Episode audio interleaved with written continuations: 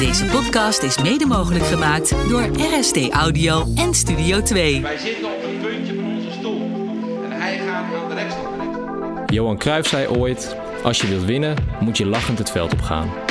Met plezier presteren. In deze podcast verzamelen we verhalen van mensen uit de sport met een idee over hoe je duurzaam kunt presteren of die aan de lijve hebben ondervonden wat de impact van plezier en het gebrek daaraan kan zijn.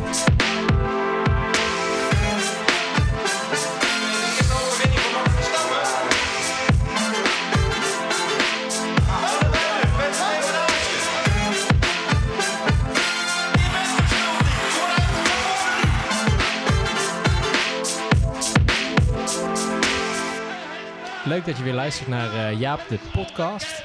Ehm, we zitten weer in Utrecht, in de wereld van sport, eh, waar wij ook kantoor houden. Ik ben Thijs Wagenaar en ik ben eh, sportpsycholoog bij Jaap. En naast mij zit mijn collega Suzy Katz. De vaste luisteraar weet inmiddels dat wij ons natuurlijk hard maken voor het belang van plezier en de focus op ontwikkeling in de sport en de topsport. En in deze podcast gaan we gaan we daar ook over in gesprek met sporters. Maar vandaag gaan we eigenlijk een klein uitstapje maken naar een ander thema. Wat nog heel erg onderbelicht is in de sport, maar wel onder, onder de oppervlakte schrikbarend veel voorkomt eigenlijk. En dat is uh, eetproblematiek onder sporters. En we maken deze podcast in samenwerking met. Um, weet wat je doet. Weet wat je doet, inderdaad. En daar ga ik gelijk uh, Suzy het woord over geven, want die weet daar nog veel meer over te vertellen dan ik zelf. Ja, eigenlijk um, doordat je, wat je net al zei, Thijs, dat eetstoornissen in de sport echt een onderbelicht thema is en het veel vaker voorkomt dan, uh, dan dat we denken. Misschien om gelijk maar met uh, cijfers te beginnen, is dat 1 op de 5 vrouwelijke topsporters en 1 op de 12 mannelijke topsporters een eetstoornis heeft. Dus dat is eigenlijk ja, gigantisch veel. En um, om straks gelijk van waar, waarom dit thema misschien ook eerst uitleggen van ja, wat is nou, waar hebben we het over? Want er gaan verschillende termen voorbij komen: eetproblematiek, verstoord eetgedrag, eetstoornis. Dus om dat misschien gelijk even helder neer te zetten, is dat um, het is een geleidende schaal. En het is soms echt heel moeilijk om te kijken waar een sporter nou precies op die glijdende schaal zit. Maar het, het ontstaat eigenlijk met uh, verstoord eetgedrag, daarna een eetprobleem en vervolgens een eetstoornis die daadwerkelijk gediagnosticeerd gaat worden. En misschien dat wij het vandaag in deze podcast alles door elkaar uh, gaan gebruiken, maar dat de luisteraar even weet van oké, het is een glijdende schaal van verstoord eetgedrag tot een, tot een eetstoornis. En um, ja, waarom ik dit belangrijk vind om, om ook te bespreken, gaat misschien wel terug naar eerst um, ook wel mijn eigen verhaal. En dat is dat toen ik studeerde, misschien weten de luisteraars dat inmiddels wel, inmiddels wel is dat ik um, zelf roeide, wedstrijd roeide.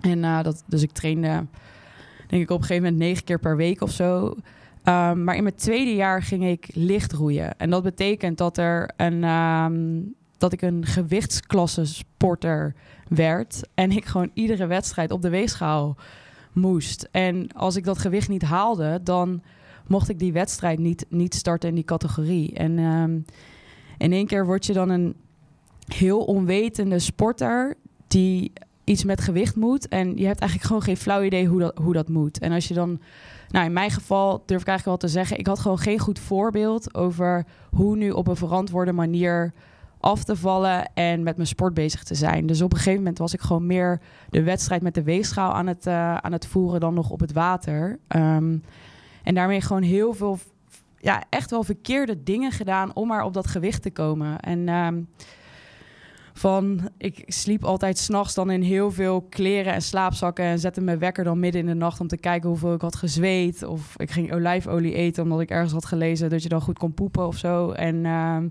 ja, op een gegeven moment leefde ik nog op een, uh, een bakje kwark of een, een appelmoespotje. Um, en dan had je die wedstrijd gedaan voor wat je dan nog waard was. En dat was dan niet zo heel veel. Um, en dan vervolgens ging, kreeg je een soort van binge-eating um, gedrag. Dus dan na de wedstrijd had je alles wat los en vast zat. Alles wat maar ongezond was en calorieën had. En, um, en lag je, ik kan me nog goed herinneren dat ik dan echt met buikpijn bij mijn ploeggenoot zeg maar, op, de, op de grond lag. Omdat ik dan zoveel had gegeten. Omdat je daarvoor bijna niks had gegeten. Nou, Ehm, lang verhaal kort. In het roeien heb ik eigenlijk mijn basis gelegd voor überhaupt de sportpsychologie, maar eigenlijk ook wel voor deze thematiek. Door wat ik zelf heb meegemaakt, maar ook wel wat ik gewoon überhaupt in het roeien heb gezien en zie. Ehm, en toen ben ik bij um, Karen de Bruin terechtgekomen. Zij was een docent bij ons uh, in de opleiding en zij heeft gevraagd van Suzy, wil je onderzoek doen naar een preventieprogramma voor je scriptie? En dat ben ik gaan doen. En zo ben ik een preventieprogramma, wat nu inmiddels dus weet wat je doet, is um, een, ja, een heel, um, hoe zeg je dat, een, uh, een projectteam die preventieprogramma's uitrollen in de sport. Dus, en dan echt allerlei sporten. Um, om ouders, coaches, sporters, bestuurders te informeren hoe nu eigenlijk gezond om te gaan uh, met je sport. Dus dat is uh, waarom we hier zitten. En we hebben denk ik een hele mooie gast die um, met een verhaal over dit thema. Um, ja, en ik wil eigenlijk aan jou vragen om haar, uh, om haar te introduceren. Ja, en voordat we dat gaan doen, want zeker dat gaan we zo uitgebreid doen. Um, wij zijn sportpsychologen en ja. uh, we zijn geen klinisch psychologen. En toch ja. zien wij in onze praktijk ook best veel sporters die met uh, eetproblematiek, ja. zo noem ik het maar even, hè. we hebben het net over die termen gehad, maar zo ga ik het even noemen, naar ons toe komen. Um, en jij begeleidt ook een aantal sporters uh, met dezelfde problemen. Ja, klopt. Ja, dat is best wel een soort van uh, dilemma geweest van waar, ja, waar zijn wij van? Uh, want wat je al zegt, een eetstoornis is, is iets klinisch. Dus voor de mensen die dat begrijpen, dan word je echt gediagnosticeerd met de DSM, uh, zeg maar, ja, het, het wetboek van de psychologen.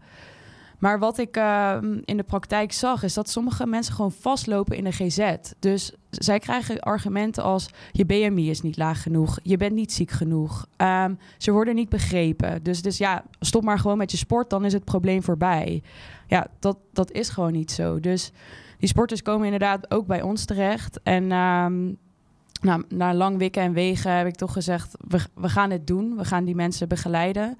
En dan wel echt met de disclaimer: we zijn geen klinische psychologen. Dus het echt aanpakken van je eetstoornis, dat doe ik niet. Of dat doen wij niet. Um, maar wel wat we eigenlijk met andere sporters ook heel vaak doen, is toch onderaan de ijsberg gaan kijken: hey, wie ben je nu eigenlijk? Hoe wil je je leven leiden? Wat, um, wat is ook je, je zelfbeeld? En daarin zie je eigenlijk dat er wel heel veel sporters nu toch geholpen worden. En eigenlijk met een hele um, grote glimlach weer de wereld ingaan. En uh, dus dat ik wel merk van hé, hey, we kunnen toch iets betekenen. En dat iets vind ik al heel erg belangrijk. Um, ja, want anders zitten ze maar zelf een soort van uh, het, pro ja, het proberen op te lossen. En uh, ja, dus een hele goede vraag, Thijs. Ja. Om dat nog even neer te zetten.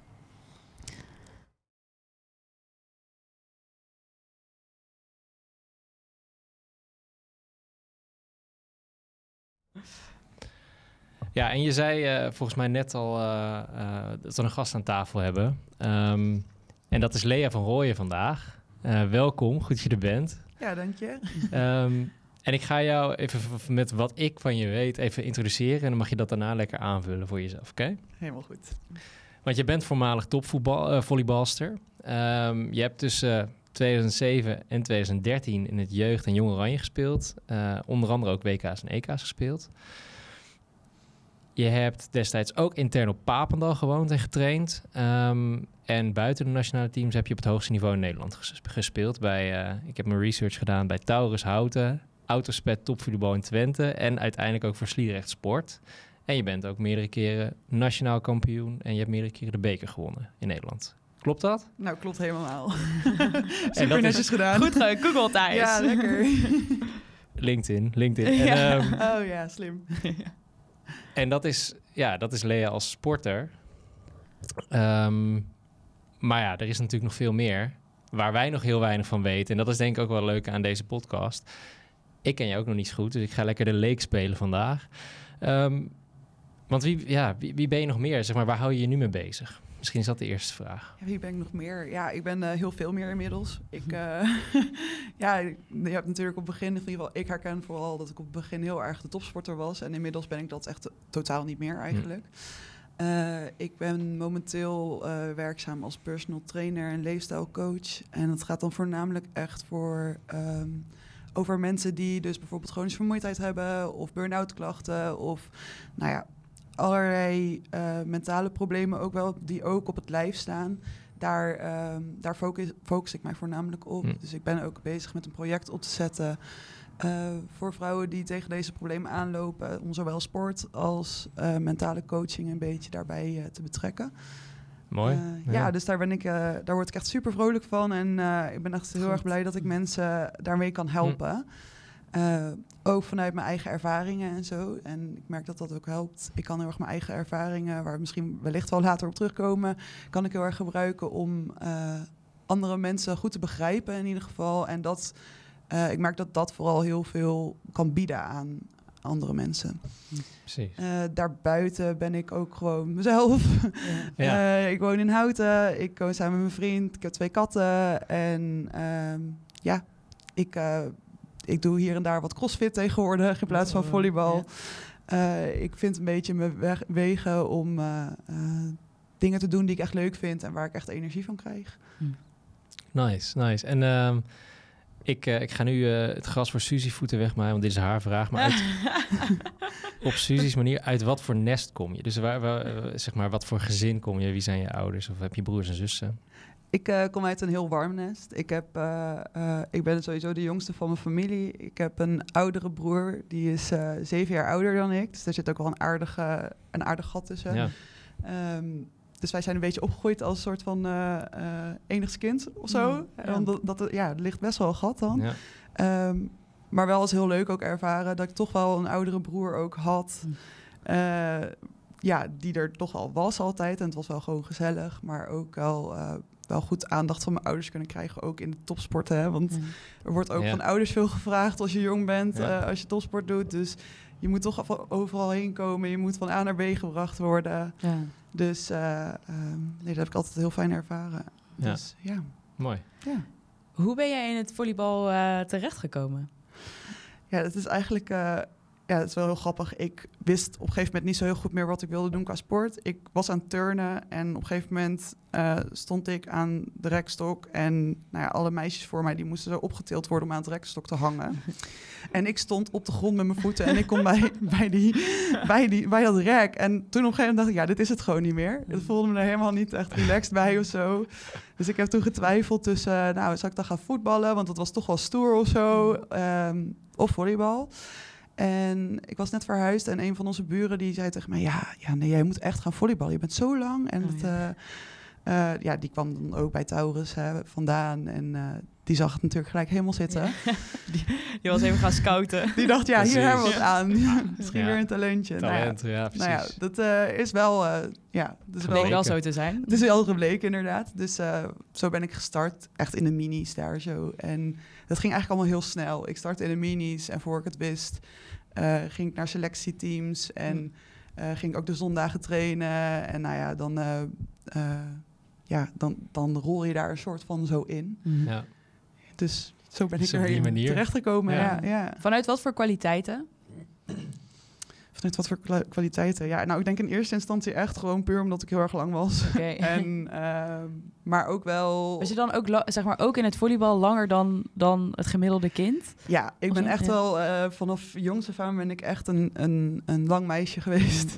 En ook wel gewoon snel ontwikkeld en zo. Dus eh, ja, ik werd ook altijd wel echt ouder geschat. En Oké.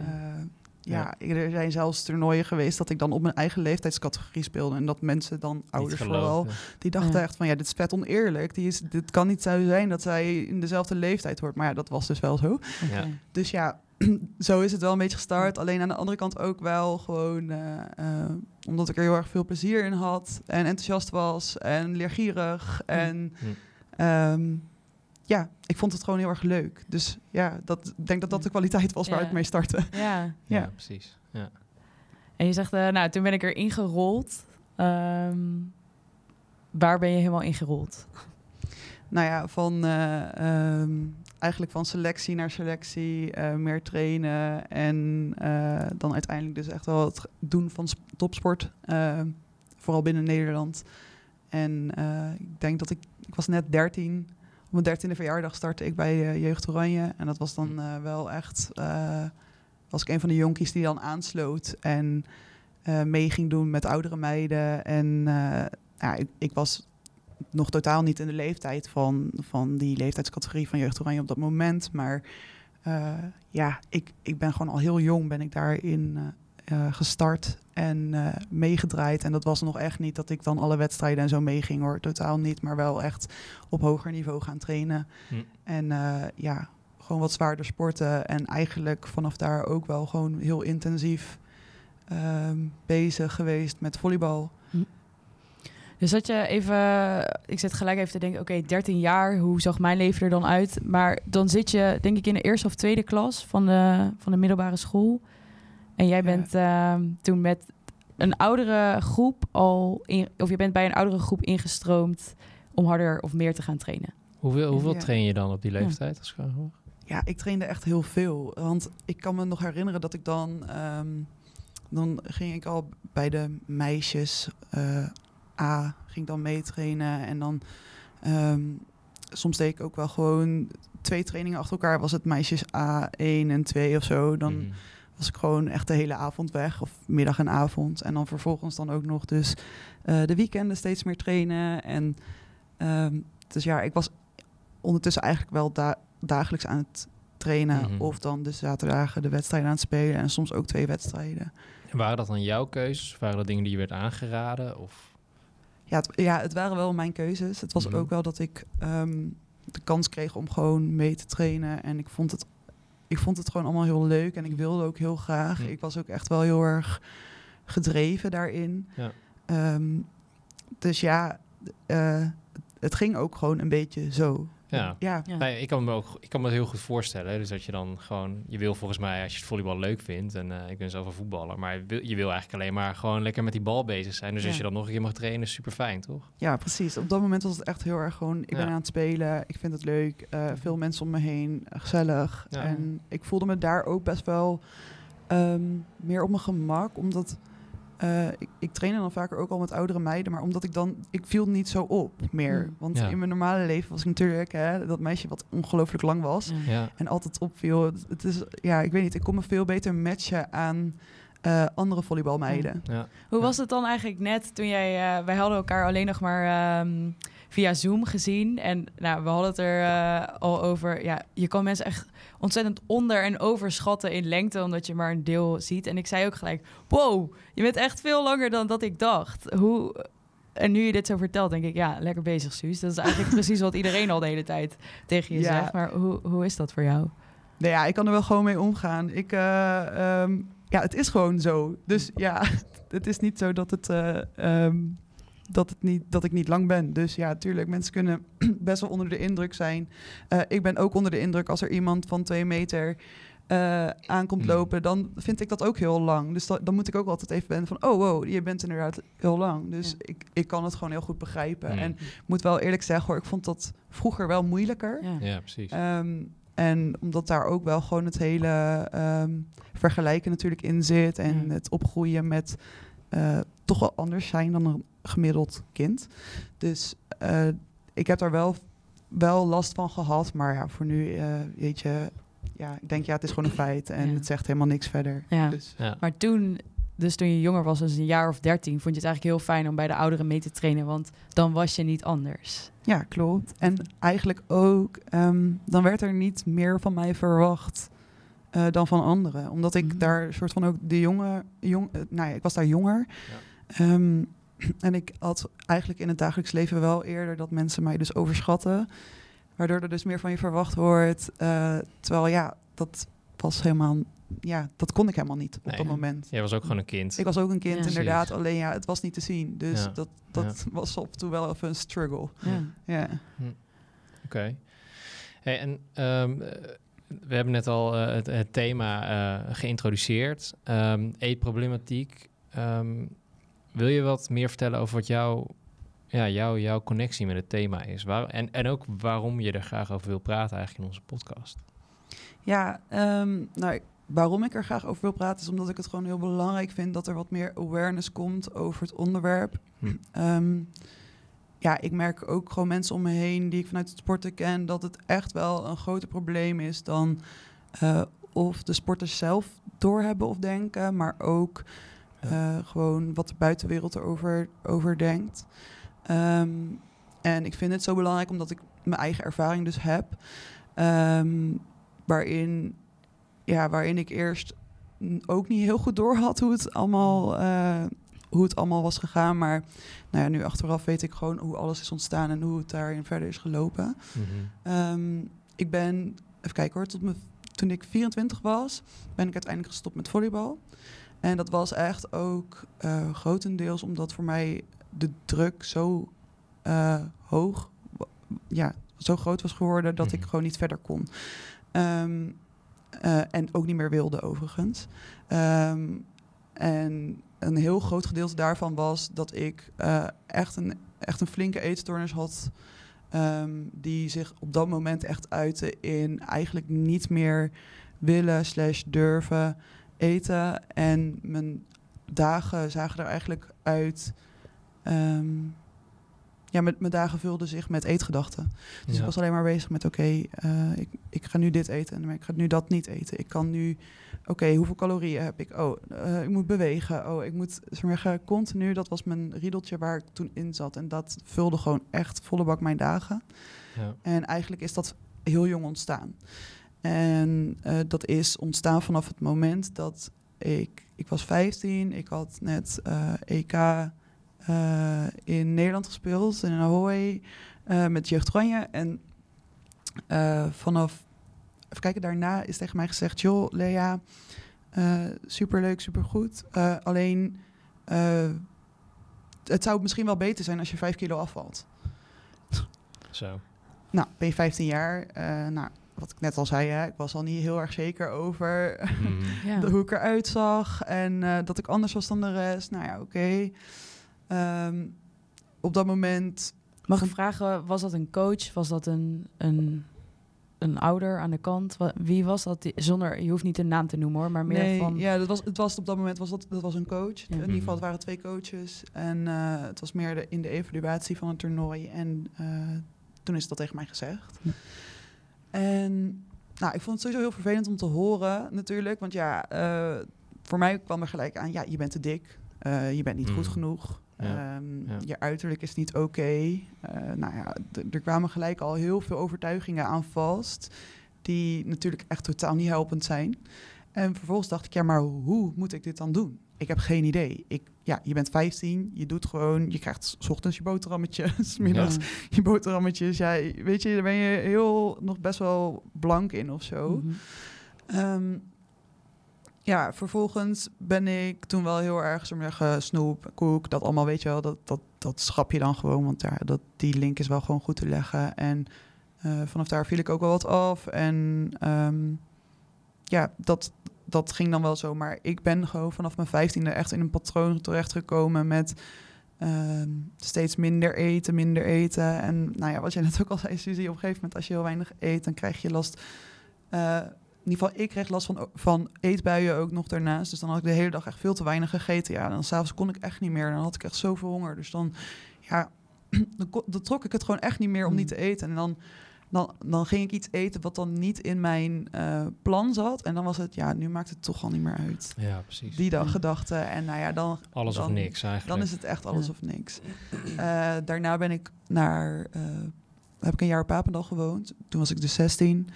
Ehm, dat heeft me in principe ook niet helemaal geholpen. Eh, want daar moesten we ook wekelijks gewoon op de weegschaal staan. Werd gekeken van, joh, ben je nou eh, aangekomen, afgevallen? En er is zelfs een punt geweest dat het ook nog zo was... dat op het moment dat je een paar gram zwaarder was... dan was het ja, ehm, dan extra conditietraining of extra op de fiets... of weet je wel, cardio gaan doen... Om, terwijl je dan al twee keer op een dag traint. Ja, ik wil heel even benadrukken. Je zegt, je bent 16 jaar. Nou, je gaat intern. Er is een jaar daarvoor al tegen je gezegd, je moet 5 kilo afvallen. En dan word je wekelijks dus op de weegschaal gezet. En een- word je gestraft als het dus niet de goede kant op gaat. Ja. Over grammen, hè? Wa- Want je zegt... eh, ja, het ging over grammen inderdaad. Precies. En om heel te zeggen, ga een, keer, ga een keer 's ochtends op de weegschaal staan. Ga vervolgens naar de wc en daarna nog een keer. Weet je wel, dat is de hoeveelheid waar we het dan soms over hebben. Ja, Toch? klopt. Ja, Dat, eh, zeker waar. Ja, Ja, ja, ja, ja. ja. Hm. Ja. Oké. Nou ja. Vertel verder. Ja. ja. Nou soms, ja. we- zeg maar, soms moeten we nog even extra benadrukken van... oké, dit, is, eh, dit is dus wat er gebeurt. Dus sorry dat ik je onderbrak. Nee, helemaal goed. Want het is inderdaad. ehm, ik, kan, ik merk ook soms wel aan mezelf. Ik denk van ja, nou, dat, dat gebeurde dus. Dat gebeurde gewoon. En dan denk je, ja, dat is inderdaad, je bent gewoon teruggaan naar je bent 16 jaar. Eh, ja, Ja, je, je bent hebt- nog een kind. Dus je, hebt geen, je weet ook niet anders, toch? Dit is blijkbaar hoe het werkt. Ja, precies. Nou, ja. En daar zeg je nog wel even iets heel belangrijks... wat ik misschien nog wil benadrukken. Het gebeurt gewoon. En dat is ehm, wat er in sport daadwerkelijk gebeurt. Dat we denken dat het erbij hoort. Ehm, toen ik zelf als student ging wedstrijd roeien... dacht ik ook, ja, het hoort, er, het hoort erbij. Het, het zit in de cultuur.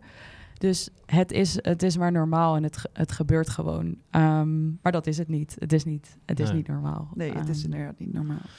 Want eh, om heel even uit te zoomen, je zei eigenlijk in het begin van waarom wil, je hierover, wil ik hierover praten? Daar zei je ook van ja, om, om ook het taboe een beetje te, te doorbreken en omdat er nog steeds op een bepaalde manier naar wordt gekeken in de, in de sportwereld. Wat bedoel je dan precies? Nou ja, het, het, ehm, het gaat gewoon heel erg over, ehm, ja, over cijfertjes en dingetjes. En het Hmm. is, gaat dan allemaal over meetbare. ehm, ja, hoe noem Het je gaat dat? allemaal over statistieken. Ja, het gaat over statistieken, getalletjes. Terwijl eh, ik denk dan, oké, jongens, waar zijn we nou mee bezig? Want eh, het belangrijkste is denk ik dat je als topsporter je goed in je vel voelt. En dat je vanuit een relaxte mindset eh, heus wel inderdaad tegen en over grenzen heen gaat. Want ja, hè, dat hoort bij topsport. Alleen de manier waarop dat... ehm, ja, dat maakt gewoon heel veel uit. Want dat kan je maken of breken. En ehm, ja, op het moment dat je dus alleen maar eh, kijkt naar getalletjes en dingen, dan wordt het ook heel normaal dat je op deze manier met eten omgaat. Dus dan ga je voor een weegmoment bijvoorbeeld, ga je kijken van joh, oké, ik heb dan mijn weegmoment, nou, dan moet ik ervoor dus zorgen dat ik dus minder eet, ehm, minder drink. ja. Eh, je moet in ieder geval naar de wc geweest zijn. Eh, nou, al dat, soort- altijd, allemaal van die rare dingen, zodat je op de weegschaal maar ziet dat je gewicht of gelijk of lager is geworden. Ja. Ehm, En dan schiet het zijn hele doel voorbij. dan schiet het echt zijn hele doel voorbij inderdaad. Want dan ben je continu met dat bezig. Terwijl je wilt toch beter worden in je sport. En wie zegt dat op het moment dat jij minder vetmassa hebt... je dan per se beter bent in je sport? Ik bedoel, hè, er zijn verschillen tussen, tussen de sporten. Je hebt gewichtsklasses. Ja, oké, dan heb je daar wel iets mee te doen. Ehm, maar ja, binnen het volleybal, ja, ik weet niet. Eh, tuurlijk is minder massa ook wel wat beter voor je gewrichten wellicht. En, eh, het eh, zorgt ervoor dat je wat hoger kan springen, sneller bent of wat dan ook. Maar ja, op het moment dat jij beter presteert met wat meer vetmassa en eh, wat meer spiermassa... Ja. en als je dan dus beter in je vel zit, ja, hoe, hoezo moeten die kilootjes dan? Ja, dus eigenlijk wat je, wat je nu vertelt is dat het cijfertje ging eigenlijk boven welzijn. Ja, Waarschijnlijk ook vanuit, hè, als ik me dan eventjes in de, aan de andere, in de andere kant van het verhaal verplaats, en ik ben benieuwd hoe jij dat dan hoort, de- heb jij het gevoel dat die coaches zich bewust waren van wat ze aan het doen waren? Of wat voor impact het had, wat ze zeiden tegen jou? Nou, ik denk het niet. Want ik ga er niet. Ik ga er nog steeds niet van uit dat mensen daadwerkelijk ehm, dit willen veroorzaken bij iemand. Precies. Bedoel, de, de trainer-coaches die ik heb gehad, het, het zijn geen, geen verschrikkelijke mensen of zo. Dat, Nee. dat totaal Nee. niet. Nee. En ehm, tuurlijk, ze, zij wilden gewoon iets bereiken. En nou ja, eh, dan hebben mensen een bepaalde visie of een beeld daarbij. Alleen, eh, ik denk dat de kennis, vooral ook hè, met jonge sporters en dan ook nog in combinatie met voeding en ehm, nou ja, hoe dat wellicht gaat, ook gewoon ja, in je mindset en alles, dat daar gewoon te weinig kennis van is. En dat er Ja. te snel te praktisch wordt gekeken naar Ja. eh, voeding en, eh, en gewicht bijvoorbeeld. Ja. Ja. Ja. En jij, ehm, zo even teruggaan naar het verhaal eh, dat je aan het Zeker, vertellen was. ja. Van, ja, dus we waren eigenlijk op het punt dat, ehm, nou, dat je dus wekelijks op de weegschaal ehm, moest of werd gezet. Ehm, Ja, en dan werd er ook nog, hè, dan was er zo'n leuk lijstje ernaast, weet je wel. En dan werd er even alle je gewichten van iedereen werden er even neergezet. Nou ja, als je dan ook nog een van de zwaarste was, ja, dat is natuurlijk ook niet heel lekker. Dan weet je ook weer van, oh, het is Ja. allemaal weer niet goed genoeg. En Mhm. eh, nou ja, dat, dat ja, was gewoon voor mij totaal niet helpend. Ehm, ik ben wel uiteindelijk toen... ehm, mijn ouders hebben op een gegeven moment gezegd van... eh, jij gaat daar niet meer wekelijks op de weegschaal. Dat doen we niet meer, want eh, ja, ik... Ik ging er gewoon hele. Ik, ik was wel. Ik heb wel tegen mijn ouders gezegd dat ik dat echt zo verschrikkelijk vond. En ik ben uiteindelijk ook wel bij een diëtist daarvoor da- Mhm. daar terecht gekomen en zo. En ik kreeg dan natuurlijk allemaal dingen van mijn voeding mee. Maar inmiddels zat ik al in zo'n patroon dat ik al dacht van ja, superleuk. Maar ik, ik moest dan acht boterhammen op een dag gaan eten. Ik dacht, ja dag, ga ik niet doen. Ja. Dat durfde ik gewoon niet meer. Mm. Want ja, ik was gewoon bang dat ik dan zou aankomen. En ehm, nou ja, toen ik op Papendal heb gewoond, heb ik echt, ben ik echt in een, een ehm, soort van cirkeltje terechtgekomen van daar weinig tot niet durven eten. ehm, en dan in het weekend thuiskomen en dan eh, me weer wat veiliger voelen. En daar echt gewoon de kast leegtrekken. Mm. Eh, waardoor ik eigenlijk ook alleen maar juist eerder aankwam dan dat ik afviel. Want ja, je lijf denkt superleuk, we krijgen wat binnen. Laten we het Opslaan die handel. Laten we dit inderdaad ja. opslaan, inderdaad. Want, alsjeblieft, we hebben het nodig. Want Ja, de rest van de dagen krijgt, krijgt het niet. ja, inderdaad, de rest van de dagen krijg je niks. En je, ja, ik trainde daar twee keer op een dag. En dan tussendoor naar school. En eh, ja, dat was mijn leven, zo maar zeggen. Ja. Ehm, Hoe deed je dat? Zeg maar met de hoeveelheid energie die, eh, die je binnenkreeg. Dat was dus niet zo heel veel. Ehm, hoe, hoe kon jij je leven leiden? Ja, eigenlijk niet.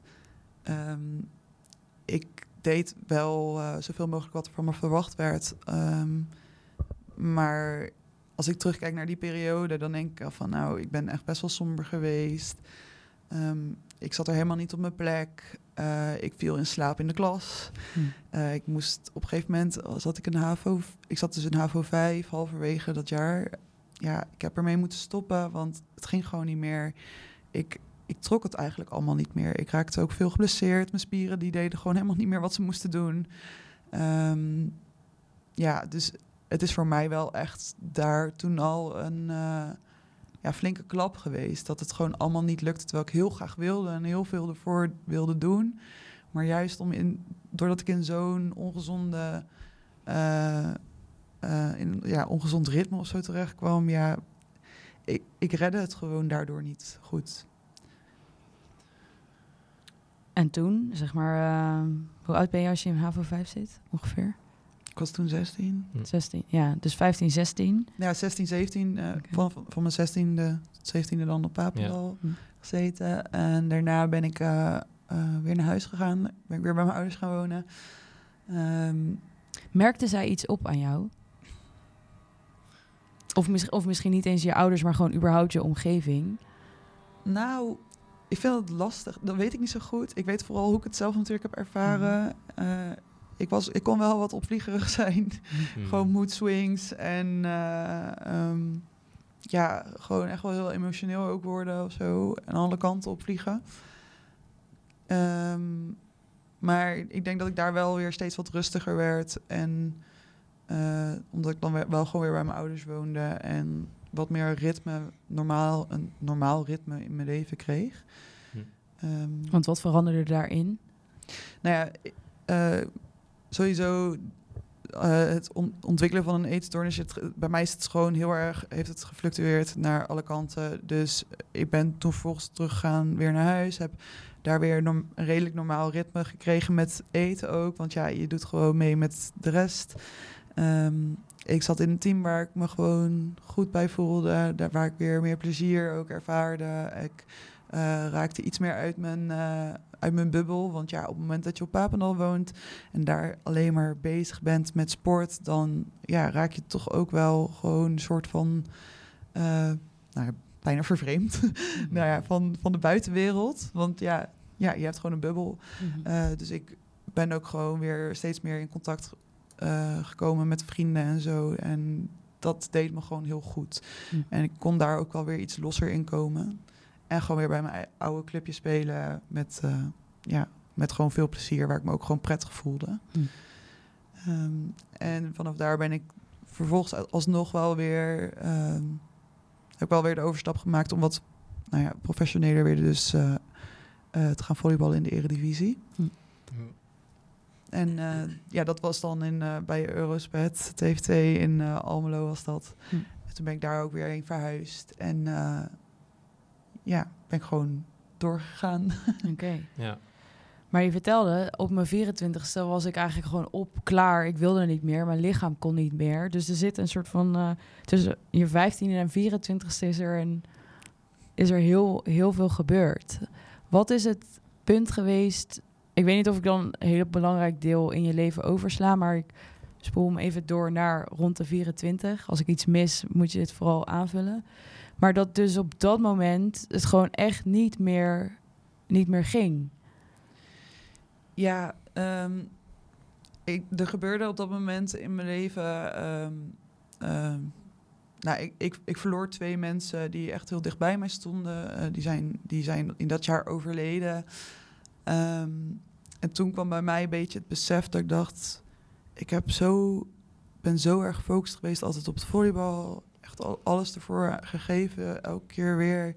En nu zijn deze twee mensen overleden en kan ik niet meer soort van eh, tijd nog met hen besteden of zo. Het besef van tijd en ehm, eh, nou ja, dat, dat niet alles voor, voor altijd is en zo. Dat kwam best wel hard binnen bij mij. Eh, plus ik kon niet zo heel goed omgaan met mijn emotie. Ehm, Want wat, de- wat deed je dan? Wat betekent niet goed om kunnen gaan met emotie? Nou ja, eigenlijk heb ik ergens een keer een. ehm, ik kon best wel opvliegerig zijn, of nou ja, alle kanten op. Ik kon heel blij zijn of heel boos zijn, of nou ja, alles. En op een gegeven moment merkte ik van ja, ehm, het hele blije dat hielp. dus dat heb ik wel nog gedaan. Het hele boze, dat heb ik ergens een soort van eh, bedacht van nou laten we dat maar niet meer doen, want dat komt me niet ten goede. En ja, weet je, emotie. ehm, eh, en daarmee om leren gaan, ja, dat heb ik gewoon nooit goed geleerd. Dus op het moment dat, ik, dat dit gebeurde, eh, eh, voelde ik superveel verdriet en, en pijn en ook zelfs zelfhaat. Ehm, maar ja, ik dacht ook van ja, dit kan er gewoon niet zijn. Hier heb ik geen ruimte voor, dit mag er niet zijn, want ik zit in een team en in een team moet je eh, er kunnen zijn voor de mensen om je heen. En eh, ja, je, kan, je hebt heel veel invloed op mensen om je heen als je een teamsport doet. Dus er wordt ook gewoon wel van je verwacht ja, dat je meedraait daarin. Zeg maar. Mhm. Of in ieder geval, dat, zo ervaarde ik dat wel. Dus er, is eigenlijk geen, er was geen ruimte om, om eh, voor de pijn en de kwetsbaarheid die je misschien nodig had, om die even te voelen Nee, en ja. te kunnen tonen. nee eigenlijk niet. Hm. Eh, in ieder geval, die heb ik niet gevoel. gevoeld, Precies. inderdaad. En die ruimte heb ik ook niet genomen. Dus ik ben dat best wel alleen gaan doen. En ik heb er vrij weinig over gesproken. En ook omdat ik dus ook zoveel boosheid richting mezelf had... ehm, is het toen op een gegeven moment echt de kant op geslagen. Ook met, met voeding van, ja, dan... zo van, ik verdiende het zelfs al niet eens meer om te eten. Ehm, Dus dat was echt een straf, zeg maar, jezelf straffen. Ja, zo van, ja, want dat, dat moest ik maar... Dat, Moet ik dan maar even eh, tegen, eh, gewoon even handelen, dat ik dan ook gewoon... Ja, eh, want het, het, het was allemaal zo dat ik niet... Ik, ik kon het nooit goed genoeg doen, zou maar zeggen. Dus, eh, en ook... een- tussendoor was het natuurlijk de hele tijd zo met het eten. Het is nooit weg geweest. Het is nooit goed gegaan. Het is Mm. nooit eh, een gezonde relatie geweest. En op een gegeven moment was ik daar ook helemaal klaar mee. Dat ik dacht, ja... Het lukt me maar gewoon niet om in dat perfecte plaatje van de topsporter te passen. Dus eh, nou, laat ik dat dan maar nu wel zorgen dat dat echt gebeurt of zo. Terwijl ja, super ongezond was het allemaal. Want ja, ik stopte bijna helemaal met eten. Ik at bijna niet meer. En Hm. ehm, nou ja, dat eh, was echt heel slecht voor mijn zenuwstelsel ook. Ja, ik wil zo eens aan jou vragen nog eh, van hoe zag jouw eetstoornis eruit? Zeg maar als we het woorden en iets meer bijna karakter kunnen geven. Maar misschien wil ik eerst nog eens even iets zeggen over van ja, hoe ontstaat nu eigenlijk een, een eetstoornis? En ook wat ik hoor in jouw verhaal, maar ook wat, het, wat de functie er eigenlijk van is. En Ehm, wat ik bij jou hoor is dat, dat het eigenlijk is ontstaan door bepaalde opmerkingen ehm, van, van coaches. Van hey, je bent te zwaar. Ehm, maar er zijn eigenlijk verschillende triggers of verschillende oorzaken. Eén is daarvan dat het gewoon echt wel in jezelf kan zitten. Van dus dat het bij je karakter. Ja, ik weet niet precies hoe dat werkt. Maar ja, precies. Ja. Van dat je zoiets ontwikkelt. Maar een ander, ander iets is, zijn inderdaad triggers. Dus triggers van heftige gebeurtenissen in je leven. eh, van opmerkingen die coaches maken. Of misschien gewoon andere mensen. Hè. Ik bedoel, denk allemaal maar, maar eens na aan de, aan de basisschool. Ja, er zat altijd wel iemand tussen die misschien ehm, wat zwaarder was. Wat die allemaal wel niet voor opmerkingen kregen. Ehm, maar ook gewoon de sport aan zich of wat sport eh, met zich meebrengt, kunnen dus ook triggers zijn. Dus ehm, aan mij wordt wel eens gevraagd van ja, zijn er nou sporten waar het meer in voorkomt dan in andere sporten? Dan is het antwoord ja en nee. Dus ehm, sporten waarin in gewichtsklassen zitten is echt wel een risicosport, want eh, nou ja, je, moet gewoon dat, dat gewicht hebben. Maar ook in esthetische sporten, dus waar jurysporten zijn, eh, ja, mensen worden gewoon letterlijk beoordeeld op, op, hoe, ze er, op hoe ze eruit zien. Ehm, maar, ehm, nou Lea, wat jij zelf ook al zegt, ja, jij hebt niet één van die twee. Je hebt geen duursport, het is geen, geen esthetische sport. Maar we, ehm, als je gewoon eens goed kijkt naar de, ehm, de kleren die sporters aan hebben, alles is strak. Hmm. Kijk naar de beachvolleyballers, die staan bijna naakt. Kijk naar de hockeyers, dat is echt... Nou, zeg maar, die hemdjes, die, je ziet daar alles in. Nou, roeiers, die, die hebben een pakje aan waar je ook, zeg maar, van alles in ziet. En nou, volleyballers staan ook in een hemdje en een, eh, en een soort van heel kort... eh, ja, mini, mini broekje. Dus dat kunnen ook allemaal triggers zijn om zo'n eetstoornis te ontwikkelen. En wat de functie daar eigenlijk van is... En dat vertel jij denk ik wel mooi, Lea. Het is een copingstrategie om iets anders niet te hoeven voelen. Ehm, dus je ziet vaak... Eetstoornissen gaan eigenlijk niet over eten. Dat is misschien wel goed om... om het gaat veel meer over perfectionisme, een laag zelfbeeld. Ehm, en Lea, corrigeer me vooral als ik het, als ik het niet goed zeg. Want eh, ik weet het vanuit de theorie en een beetje ervaring. Maar jij bent vooral de er- ervaringsdeskundige. Maar dat is wel wat ik ook in de praktijk zie van de sporters die wij nu begeleiden. Is ja, onderaan de ijsberg gebeurt er. Het gaat over die overtuigingen die jij ook had. Ik ben niet goed genoeg. Dat is volgens mij waar het ehm, echt over gaat. En, ehm, ja, en dus maar niet te hoeven voelen. Ja, Ja, en dan is- maar controle Ja, uitoefenen. inderdaad, over- dat wilde ik zeggen, controle. Het, Ja. het zit heel erg in een stukje eh, controle proberen te pakken in iets. En dat is in mijn geval dan inderdaad heel erg het eten geweest. Ja. ja, wil jij eens... Kan jij eens omschrijven? Je hebt al wel wat dingen gezegd hoor, maar hoe zag jouw eetstoornis eruit?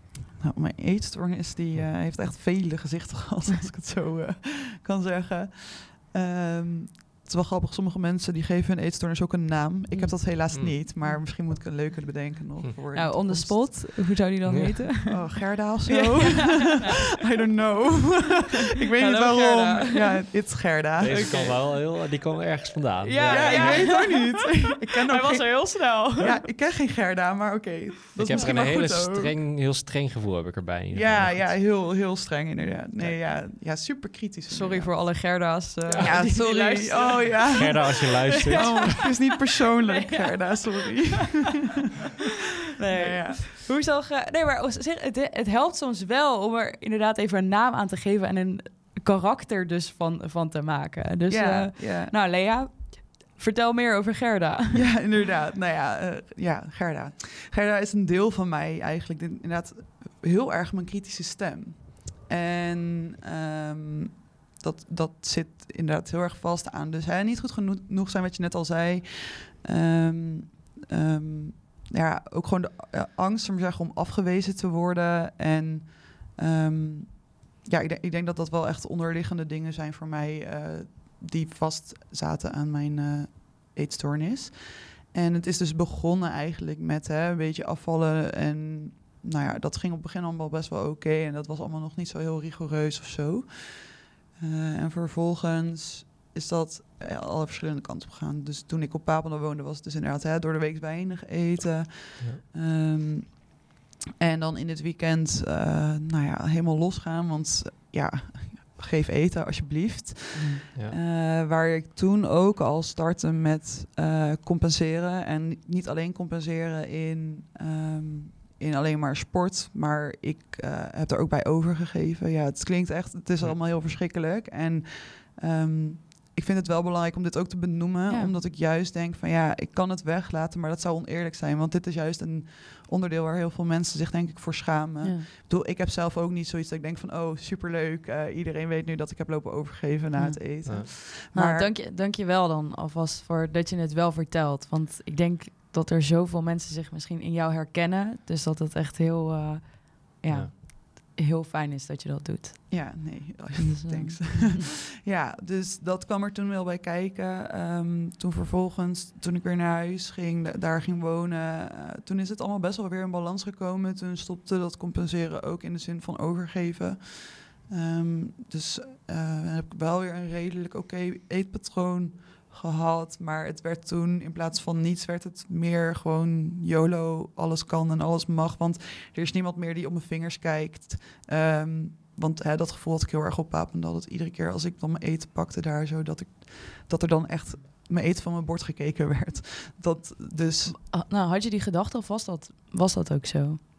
nou, ik denk dat het stiekem ook wel ergens wel zo was. Want er werd wel gekeken van, ja, joh, wat eet je nou eigenlijk? Ehm, en er waren ook al dingen meegegeven van, joh, eh, doe geen kaas op je brood. Of eh, geen jus d'orange drinken. Nou ja, weet je, allemaal van dat soort dingen. Mm.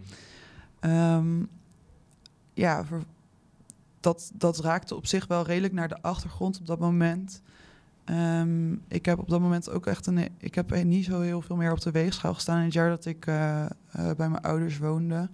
En op dat moment dacht ik eigenlijk ook van joh, ik weet eigenlijk niet zo heel goed meer wat ik met volleybal wil. Of ik echt nog doorga of niet. Eh, toen kreeg ik toch nog eh, het aanbod om eh, in Almelo bij TVT Eurospet te gaan spelen. En ja, ik vond volleybal daar eigenlijk wel heel erg... Nog, ja, ik vond het gewoon nog steeds heel leuk. En ik wilde eigenlijk ook wel graag wel weer me verder ontwikkelen. Dus ik heb die stap toen genomen. En, ehm, En ging Gerda mee? en Gerda ging mee, ja. ja, nee, maar het, ja, Gerda ging zeker mee. En het vervelende was toen eigenlijk al dat, dat hetgene gebeurde wat ik precies niet nodig had. En dat was eh, dat er tegen mij gezegd werd, werd van... joh, Lea, hoe kijk je aan tegen voeding en afvallen? Mm. Eh, ja, nou, toen heb ik wel heel duidelijk gezegd... joh, weet je, als je wilt dat ik hier iets mee ga doen, prima. Maar dan wil ik wel goede begeleiding hebben... want ik ga het niet zelf doen, want dat gaat niet. Dat lukt niet. Mm. Oké. dus Ehm, daar wel geleerd van wat er al was gebeurd. ja, in principe eigenlijk wel. En vervolgens eh start ik daarbij een diëtist en dat ging op zich wel aardig goed. Eh, maar ja, toch weer, weer in steeds minder, minder, minder terechtkomen. Ja. En toen ben ik echt in de cirkel terechtgekomen van... ehm, ja, weer overdag gewoon veel te weinig eten en dan s'avonds meer gaan eten. En dan woonde ik dus niet alleen. Ik woonde dus met eh, mensen uit mijn team. Eh, ik heb daar twee jaar gespeeld eh, en twee keer met verschillende mensen in een huis gewoond. En ehm, ik had dan zelf haalde ik nooit allemaal slecht, ik, slechte dingen. Ja, wat zijn slechte dingen? Dat is in mijn beeld toen slechte dingen in huis. Maar andere mensen hadden dat wel. En Hm. Wat ik dan stiekem wel eens deed, dan ging ik s'nachts, omdat ik dan, hè, dan had ik heel erg honger Mhm. dan ging ik eten gewoon van anderen, ging ik gewoon jatten. Dus dan ging ik gewoon echt naar de keuken. Heel Ja, ja, ja. praten. Ja, ik vind het ook echt heel erg, maar ze weten het ook wel. Maar geef niet. Maar dan denk ik, oh, wat erg toch dat je dit... Maar hè, zo, het is eigenlijk dus net heel ziek, Mm. dat je zo ziek bent, ehm, dat je dat doet. Mm. Dus ehm We zo'n zaten echt even in die nacht. eh, spannend, dat we naar hè? de- Kom maar ja. ik liep zo dan naar ja, ja, I know. Nee, ja, maar dat, ja, dat, dat soort dingen, dat, dat deed ik toen omdat ik dan zelf niks in huis had en ik wel, had wel honger. Dus dan, ja, ging, dan ging ik eten van anderen, Ja. Mhm. nou ja, pakken. Nou, jat vind ik een groot woord, mocht vast wel. Mm. Ehm, ja, ehm, ik raakte steeds in en uit dat cirkeltje. Dus ehm, dan pakte ik het wel weer op. En vooral in de zomers, dan, nou, ja, weet je, dan ging ik weer afvallen. Op een, een of andere manier ging dat makkelijker voor me. Eh, juist op het moment dat ik niet sportte, lukte het me beter om af te vallen, omdat ik dan ook gewoon minder nodig had. Mm.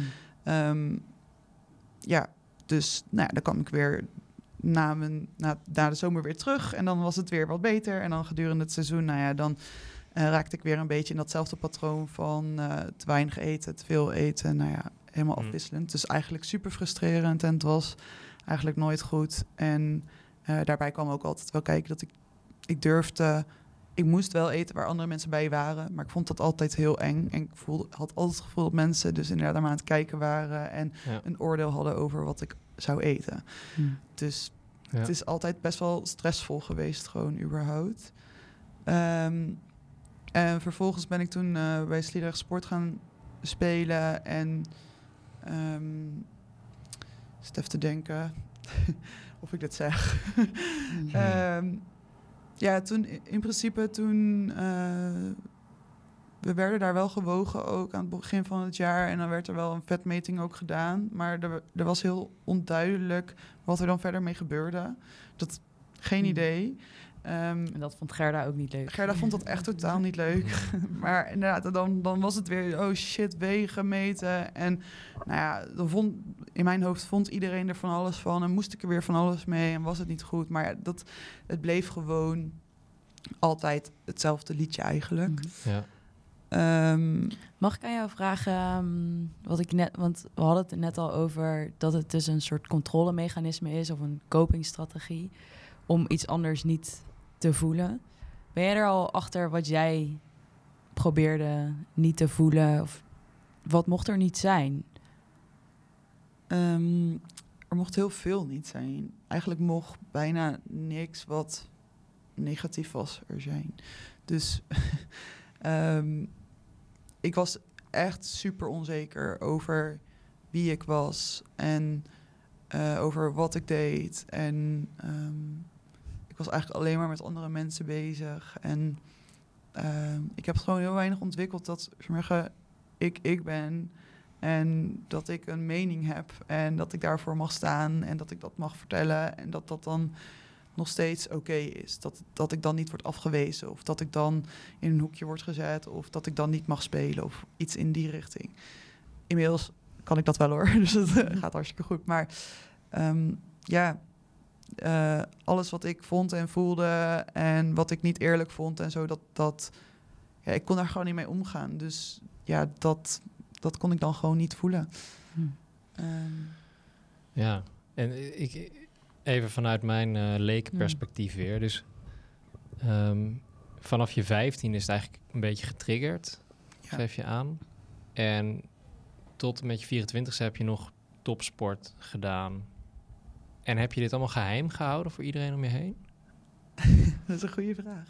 Ehm, ja, nou ja, weet je, toen ik op Papendal zat, wisten wel mensen van... oké, dat gaat niet zo heel lekker met, eh, met Lea en het eten. Met Lea en Gerda. maar... die ehm, tweede gaat niet zo heel chill. Nee, ja, precies. Gerda doet het Mhm. niet zo goed. Maar verder, nee, ja, ik weet niet. Het, het is niet bewust... ehm, ik heb het niet bewust verzwegen. Omdat ehm, je moet eerst doorhebben dat je iets doet wat niet klopt. Je moet eerst ehm, begrijpen dat ehm, het niet per se is dat jij iets niet kan of eh, ja, een raar patroon hebt, maar dat, ja, dat het dus echt een stoornis is. Maar dus, als ik het dan even goed, als ik het goed begrijp, was het dus voor jou gedurende die hele tijd zoiets van ja, dit is ook wel iets wat erbij hoort als ik die topsport allemaal wil blijven doen. Ja, sowieso. Want weet je, ehm, ik weet niet, ehm, ik denk dat andere mensen het ook wel zullen herkennen, maar eh, drinken met calorieën? Nee joh, dat is echt zonde van je calorieën, dan eet ik wel wat. Weet je, dat soort dingen. Ehm, gewoon, eh, er zijn zoveel...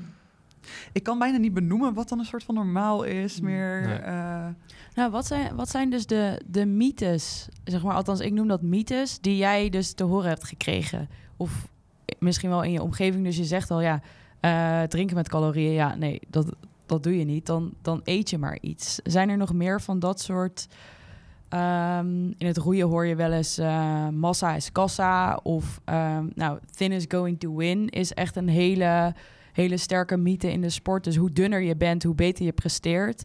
Nou, dat gaat tot een bepaalde grens. En vervolgens, ehm, Nou, presteer je helemaal niet beter, dan ben je gewoon echt veel te licht. Ehm, maar dat zijn, zeg maar, welke, welke heb jij gehoord? Of misschien wel in geloofd, of je team in geloofd, of je coaches? Ja, ik weet niet of het een algemene mythe is geweest voor mij. Eh, Ja, ik herken dit soort dingen wel hoor, maar het is niet per se zo tegen mij gezegd. Alleen ehm, voor mij was het gewoon hoe meer je in het plaatje past, ook fysiek, hoe Hm. meer kans je hebt om het te maken en om te spelen. En En welk plaatje? in het plaatje van atletisch, gespierd en wijn, een laag vetpercentage. Ja, dat, dat is het, het plaatje wat ik Ja. Ehm, waarvan ik dacht dat, dat ik daaraan zou moeten, vo- moeten voldoen. En ja, ik heb daar in principe nooit aan kunnen voldoen. Hm. eh, tot ik 24 was. En ik echt... ehm, ja, to- toen verloor ik wel eh, het vet. Maar ja, ik kon toen eigenlijk helemaal niks meer. Ik kon niet langer dan een uur trainen. Want ik was helemaal stuk. We hebben eerder eh, Jos van Emden, de wielrenner, in onze podcast gehad. En die heeft, eh, nou, die, die, rijdt nu, bij- die heeft gisteren de Amstel Gold Race gereden ehm, bij Jumbo-Visma. En die vertelde ons dat hij, dat is eh, best een tijd geleden, een keer een, een, een appeltjesdieet noemde hij het zelf. Oh, gedaan. Dus alleen maar Granny Smith. Want ja, dan ga ik afvallen, maar ik krijg nog wel iets binnen. En die Granny Smith is een beetje zuur, dat krijg ik nog wel weg de hele dag. En die heeft bijna, die is bijna zijn contract verloren dat jaar, Ja. omdat hij echt niks meer kon. Dus dat, ik herken Nee, me een klein beetje, hè, of ik herken dat verhaal een beetje in wat jij nu zegt. Van ja, gewoon die kilo's eraf, maar ondertussen Ja. presteer je niet meer. Je weet dat je lijf meer nodig heeft. Wat, wat ik me nog afvraag is, ehm, zeg maar, wa- wat had jij in een eerder stadium, wat had jij nodig gehad om ehm, in een eerder stadium misschien al aan de bel te kunnen of durven of willen trekken?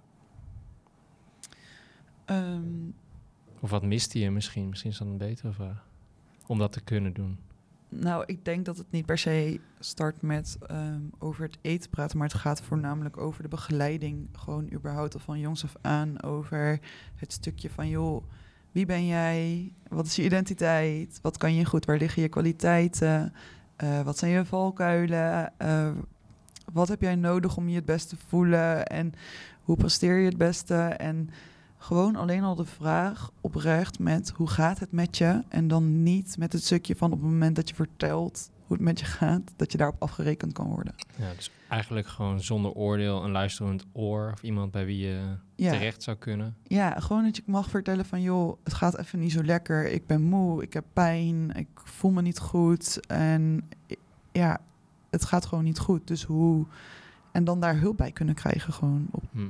Eigenlijk iets wat best wel bazaal zou zijn. Hè? Gewoon eh, het welzijn van een persoon en al helemaal het welzijn van een kind. Ja. Ehm, ja, dat, dat heb ik gemist. ja, precies. En ik moet wel eerlijk zeggen, hè, want eh, ik ben, ik was zo gedreven dat het niet heel makkelijk was om daarbij te komen. Alleen ik heb ook niet de vrijheid en de veiligheid gevoeld om eh, wel te vertellen Ja. dat het niet echt goed ging. Ja.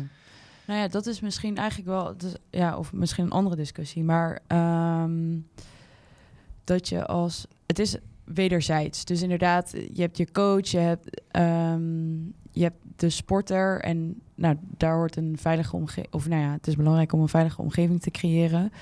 Ehm, waar wilde ik naartoe? Maar dat ik, nou eigenlijk ook, oh ja, dat ik gelijk bedacht van eigenlijk alles wat jij schetst, dan denk ik, wow, dat is wat wij doen. Dus inderdaad, het, het, Mhm. het welzijn, het, de identiteitsontwikkeling, ehm, de oprechte vraag stellen, hoe gaat het met je? En in één keer dacht ik, ja, bijna weer een soort van bevestiging van, zo, eigenlijk zou het helemaal niet zo heel gek zijn om permanent een sportpsycholoog ehm, ja, bij, bij teams te hebben. En vooral dus ook bij, bij jonge talenten. Ehm, want kijk, van een coach wordt natuurlijk echt superveel, worden superveel vaardigheden gevraagd. En soms denk ik wel eens, ja, het gaat gewoon bijna te ver om dit ook nog eens altijd van een coach te vragen.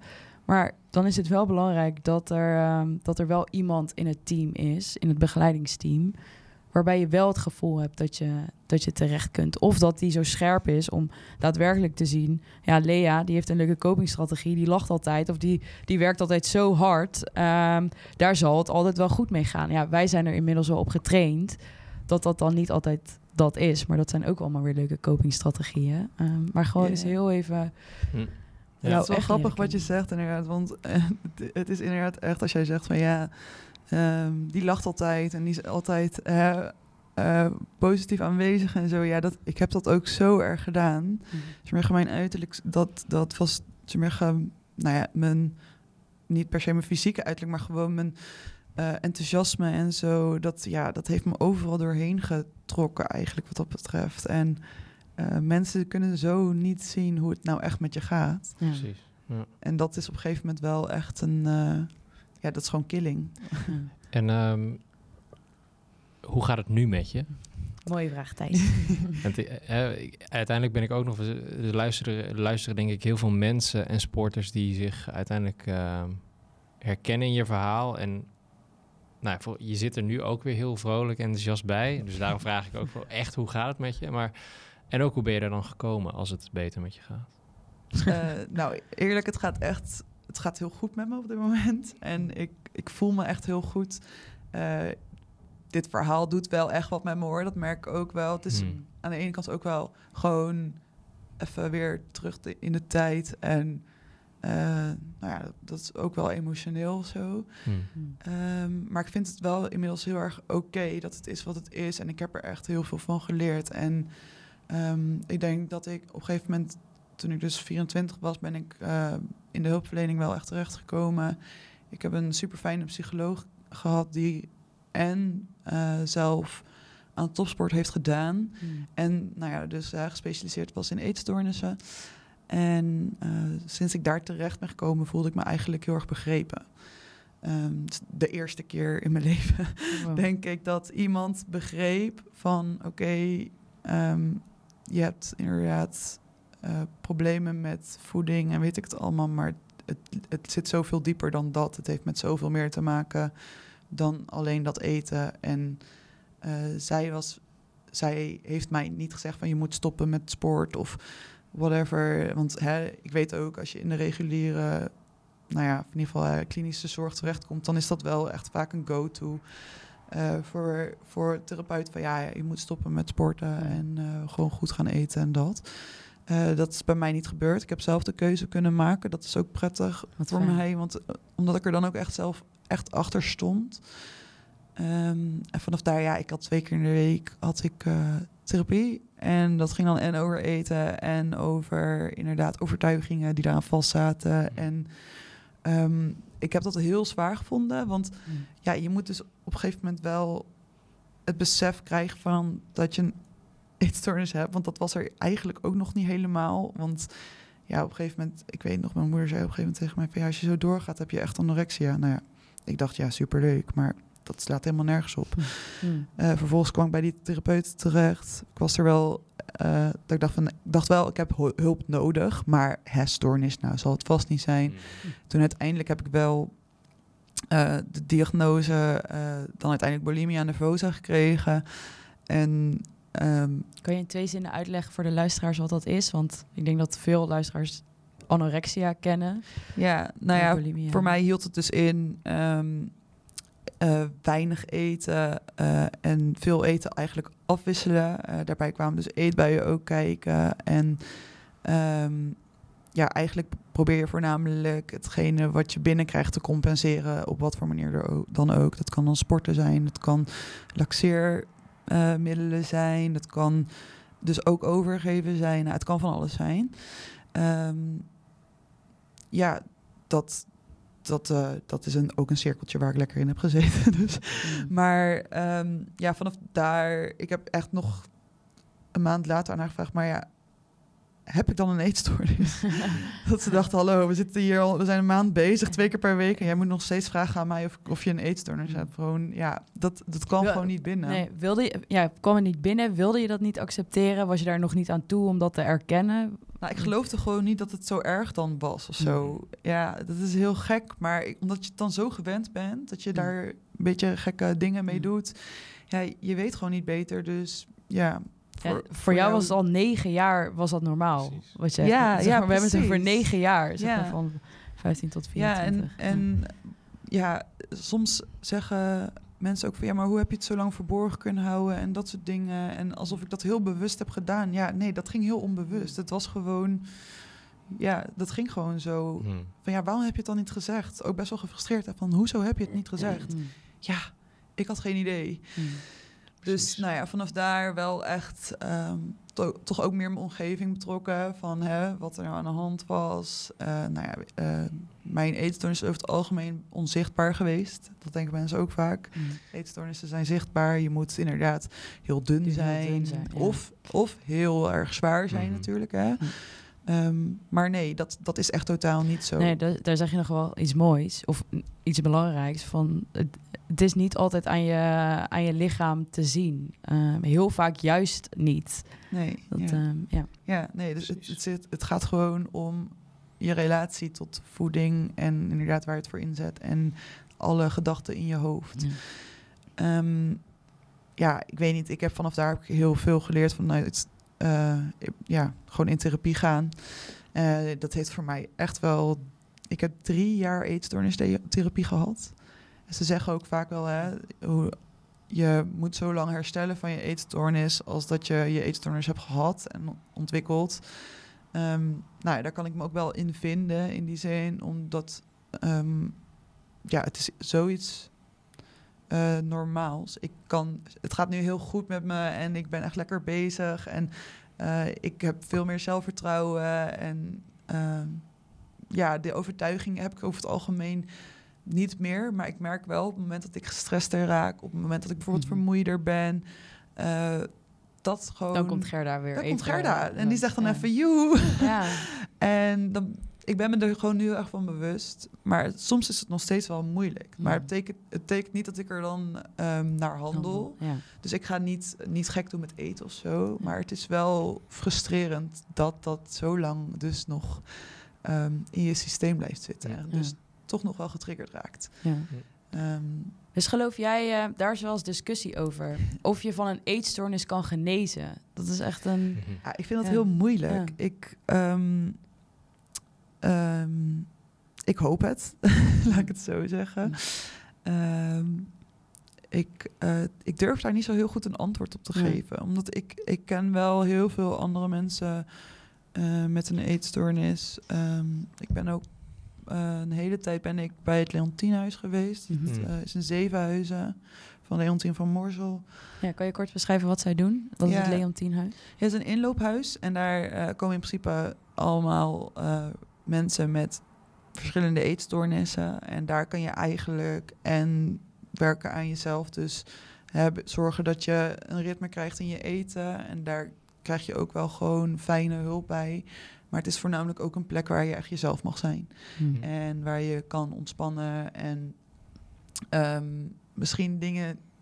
Ja, het is een beetje een omgeving waar je dingen kan leren hoe je dat anders zou willen of kunnen doen. Ook gewoon van ja, hoe, hoe begeef je je in een ehm, nieuwe, nieuw sociaal eh, gebied eigenlijk. Mm. En ja, ja, je hebt ook gewoon lotgenoten om je heen. En dat is eigenlijk wel heel prettig. Mm. Om de steun, Jemerge, daarin ook te krijgen. Je bent niet de, dat ene gekkie, eh, die ene gekkie die daar rondloopt. Die denkt van ja, ik heb echt allemaal problemen met eten. Maar niemand die het snapt. Daar ben je gewoon een van de zoveel. Ehm, maar ja, wel gewoon met... Je krijgt gewoon ja, een beetje liefdevolle Ja. omgeving heb je erbij. Dus dat is, dat is voor mij wel echt heel erg helpend Mhm. geweest. Nou, wat ik misschien nog wil toevoegen, ehm, Thijs, maar daar kijk ik ook jou in aan van hoe, we- hoe wij zeg maar, richting Gerda kijken. Ehm, wij geven ook, zeg maar, wij doen ook vaak met sporters dat je je verstand een naam geeft. Of, Mhm. of misschien soms wel verschillende. En onze visie daarop is eigenlijk dat ehm, dat, dat verstand je ook ontzettend ver heeft gebracht. Dus dat kritische stemmetje heeft je, die, die het nooit goed genoeg vindt of die ja, nou misschien dat vooral, eh, maar in ieder geval die van alles tegen je, tegen je schreeuwt in momenten dat je gestrest bent of vermoeid bent. Maar dat die je dus ook heel, heel ver heeft gebracht. Maar dat je bijna een andere relatie gaat krijgen. Nou, in jouw geval met Gerda. In ehm, dat, dat je soms een keuze hebt van... Oké, Gerda, ik heb je gehoord, maar nu even niet. Ehm, maar dat zij ook gewoon bij jou hoort. En die gedachte, althans dat was voor mij echt zo'n verademing van ja, dat verstand, dat kritische stemmetje die soms zoveel zit te schreeuwen, het hoort gewoon bij mij en, en, en dat is oké. En soms is het poep irritant. Voor mij het Bobby trouwens. Uh, maar soms zet je Bobby of Gerda of uh, hoe heet die van jou Thijs? Porky. Porky. Porky. Oh, jullie hebben wel echt leuke namen. Ja. dus uh, luisteraars hier in de zaal krijgen straks ook de opdracht... hoe heet jullie verstand? maar dat we die af en toe in de, in de hoek kunnen zetten... en ernaar kunnen kijken van... oké, je bent er, maar ik handel er niet naar. Eigenlijk wat je, wat je nu ook zegt. Ja, dat is het echt wel inderdaad. Want het is ook... Uh, anders blijf je strijden. Precies, je moet de ja. hele tijd het gevecht anders aangaan. En dat is gewoon, dat is echt het vermoeiendste van alles. Want inderdaad, ik heb het nu wel heel erg gehad over hoe mijn eetstoornis tot uiting voor mij is gekomen. Maar uiteindelijk ging het echt om de strijd in mijn hoofd. En gewoon echt dat kritische, harde, gewoon meedogenloos zijn naar jezelf. Nooit goed genoeg zijn. En maar, um, zeg maar ook gewoon je spiegelbeeld zien en eigenlijk jezelf met de grond gelijk maken. Elke dag weer. Op een gegeven moment gewoon elke weerspiegeling van een raam of whatever. Het was allemaal nooit goed genoeg. En um, het is gewoon heel vermoeiend. Het, het is. Het, en dat gaat echt niet meer over eten. Nee, dat Nee. gaat gewoon. Dat zit zo diep. En dan gaat het echt over jezelf gewoon niet goed genoeg en niet oké vinden. En ook niet meer weten van ja, wat. Uh, wie ben je nou en wat, wat zijn nou de mooie kanten ook Ja. van jezelf? Dat, dat raakt helemaal ondergesneeuwd door al, alle kritiek die je op jezelf levert. Ja. Ehm, oh. Ja, sorry. Eh, eh, ehm, een van de vragen die ik nog heel graag nog aan, aan je wilde stellen is... ehm, en ik wil me misschien wel uit elkaar trekken. Van, we hebben best wel veel luisteraars eh, die dit verhaal nu hebben gehoord. Wat hoop jij dat sporters die luisteren hier uithalen? Of wat hoop je dat ze leren uit jouw verhaal? Nou, ik hoop vooral dat als je het herkent, dat je één iets minder alleen voelt. Dat het niet. ehm, want je bent echt niet alleen. Dat is, dat is wel echt waar. Ehm, en ehm, durf eerlijk te kijken naar hoe, hoe jij met voeding omgaat en wat je gedachten erbij zijn en hoe kritisch je naar jezelf bent. En ehm, als je daarin merkt van ja, eigenlijk kost het me superveel energie, heb ik hier superveel moeite mee. eh, durf alsjeblieft om hulp te vragen, want het is wel echt, ehm, het is een verademing als het, Hm. als het minder gaat worden. En het is wel heel pittig allemaal, maar het is wel, ehm, het is het gewoon niet waard om zo met jezelf om te gaan eigenlijk. En En bij wie zou jij om hulp hebben gevraagd als je het toen, of als je de kennis had die je nu had? Ehm, nou ja, uiteindelijk is het voor mij geweest dat ik bij een, eh, een fysiotherapeut terecht ben gekomen. En daar, nou ja, vanaf daar ehm, raakte het wel bekend. Ehm, het duurde wel best wel lang voordat uiteindelijk echt dat doorging naar professionele hulp. Mhm. Maar ik ben er uiteindelijk wel zo gekomen. Dus kijk vooral naar iemand wie je vertrouwt, waar je je prettig bij voelt. Precies. Ehm, maar ook hè, voor dus inderdaad eventueel coaches, trainers, eh, begeleiders, fysiotherapeuten of wat dan ook. Ehm, help iemand door iemand door te verwijzen naar de juiste hulp. Want een eetproblemen en eetstoornis, dat kan je niet ehm, Zelf. zelf verhelpen. Ja. Daar heb je echt gewoon echt kennis voor nodig. Ja. Ja. En dat En moet je ook gewoon niet willen. Nee, dat lukt ook gewoon niet. Want dan ga je een strijd krijgen en dat is eh, ingewikkeld. En wat, wat hoop je dat eh, coaches en trainers die jouw verhaal horen meenemen of leren? Ja, vooral de bewustwording dat dus op het moment dat je het over, eh, als je het over voeding of gewicht of whatever gaat hebben, dat je dus wel weet van joh, ehm, één opmerking eh, kan bij iemand al de verkeerde opmerking zijn en ervoor zorgen dat, ehm, ja, dat er dus iets in, in gang gezet worden, wordt wat, wat gewoon ja, bergafwaarts gaat, wat gewoon heel heftig kan worden. En Ehm, misschien ook iets meer de, de, kijk, de kijk meer vanuit, joh, ehm, eh, wat heeft iemand nodig en hoe functioneert en eh, iemand het beste en hoe haal je het beste uit iemands nou ja, fysieke gestel ook. Mhm. Ehm, zonder Dus- dat het dan ja. echt een, een, eh, een enorme opgave wordt eh, dat tegen je gaat werken. Ja. Dus ook eigenlijk, kijk verder dan de getalletjes. Ja, ja, echt. Kijk alsjeblieft verder dan de getalle- getalletjes en kijk naar hoe, eh, hoe, hoe komt iemand het beste in zijn vel en kan, kan op die manier het beste presteren. Ja, Ja. ja. En wees je dus bewust van de invloed die je hebt als trainer op jonge sporters. dat helemaal inderdaad. En Ja. al helemaal op het moment, hè, eh, je zit in, als je met sporters werkt in de puberteit, ja, het is zo'n onzekere periode. Er verandert zoveel. Het gaat zo hard allemaal. En ehm, ja, dan kan iedere opmerking er één te veel zijn. En ja, op het moment dat je niet zo heel veel kennis hebt van ehm, de ontwikkeling van kinderen of jongeren of wat dan ook. En je bent wel trainer en je werkt met deze doelgroep. Ja, kijk, duik, duik de boeken in. Of Ja. kijk wat verder. Of ga met iemand inderdaad of met een psycholo- sportpsycholoog in gesprek van joh, waar moet ik nou rekening mee houden om te zorgen dat ik hè, deze jonge sporters goed begeleid naar eh, talentvolle, eh, presterende sporters. Want ja, dat Ja. wil je uiteindelijk. Ja. Mooi. Suzy, wil jij nog wat kwijt aan het einde van eh, het gesprek? Ehm, nou, ten eerste wil ik Lea gewoon echt heel erg bedanken voor dat ze hier zit. Lea en Gerda. Want ehm, Komt het toch goed ja, van pas, ja, ze- ook zij is hier. En ehm, ze heeft je veel ellende bezorgd. Maar eh, volgens mij is het, is het vechten klaar en, en, en mag ze er ook, ook zijn. En eh, zit echt een prachtige vrouw tegenover me. Dus ik wil je echt heel erg bedanken dat je je verhaal hebt verteld. Want ehm, ja, je bent een groot voorbeeld voor, voor velen. En ja, ik ben, ik ben je ontzettend dankbaar. Ehm, dus dank je wel daarvoor. En daarnaast wil ik ook wel echt nog een, een soort oproep doen. Of als je dit nu, nu hebt gehoord en denkt als trainer, coach, bestuurder, ehm, sporter, ik, ik moet hier iets mee. Dan zou ik zeggen, ga, wel, ga naar weetwatjedoet.nl. Ehm, zoek daar contact. Ehm, maar kijk ook wat, wat er ehm, aangeboden kan worden qua, qua trainingen voor, voor, je, voor je coaches, voor je sporters. En er staat ook een, eh, een zorgkaart op de website. Dus als je een sporter bent en denkt... wow, eh, ik herken eigenlijk heel veel van Lea's verhaal... dan staan daar ehm, hulpverleners op die je kan, eh, kan mailen, bellen... om, ehm, om een afspraak te maken. Ehm, en kom je daar niet uit, dan ben je ook altijd welkom... eh, ja, wel bij, eh, bij Jaap. Want het is gewoon heel belangrijk zodat iedereen een mooie en duurzame sportcarrière kan, kan hebben. Ehm, Dat zijn mooie laatste woorden, daar wil ik Ja. eigenlijk niet meer overheen. nee, ik Ehm, wilde eigenlijk... Nou, maar Thijs, misschien nog wel... eh, ik heb nog wel ook een vraag aan jou.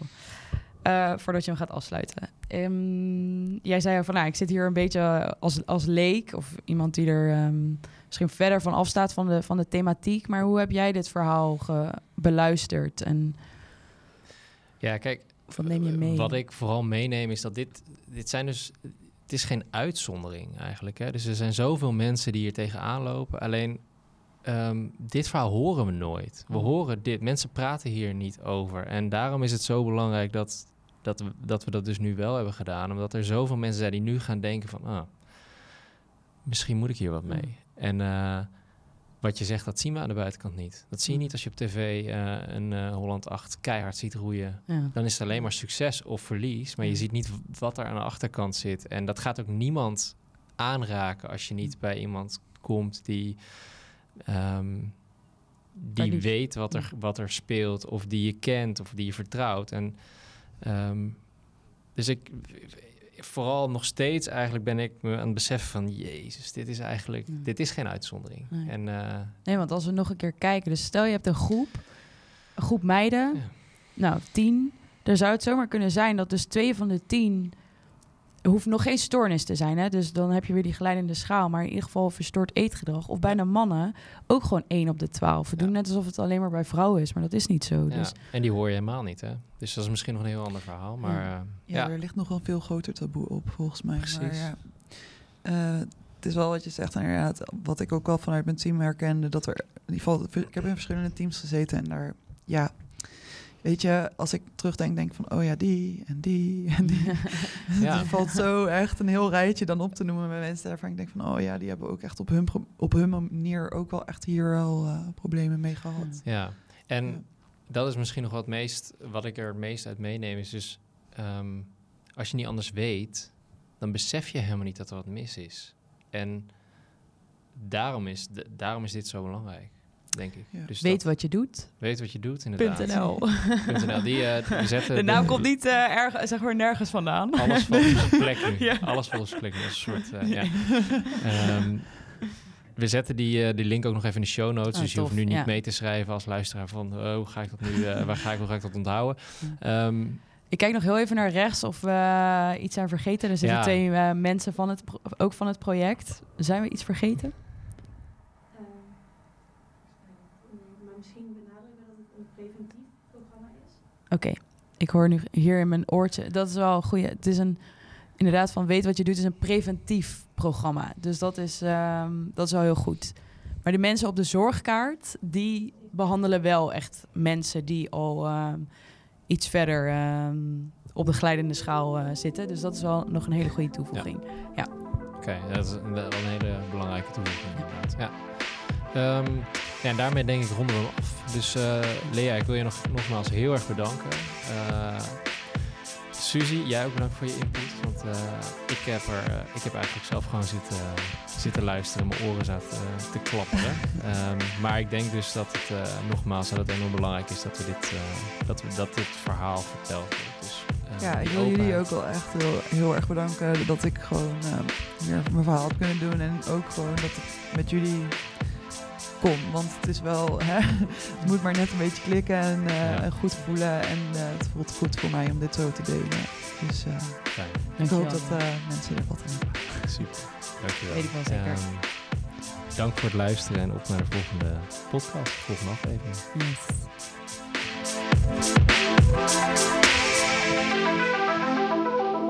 Deze podcast is mede mogelijk gemaakt door RST Audio en Studio 2. Wil jij ook je eigen podcast? RST Audio en Studio 2 nemen de totale productie uit handen. Van hosting, jingles, vormgeving tot productie. Ga naar rstaudio.nl en publiceer volgende week al je eerste podcast.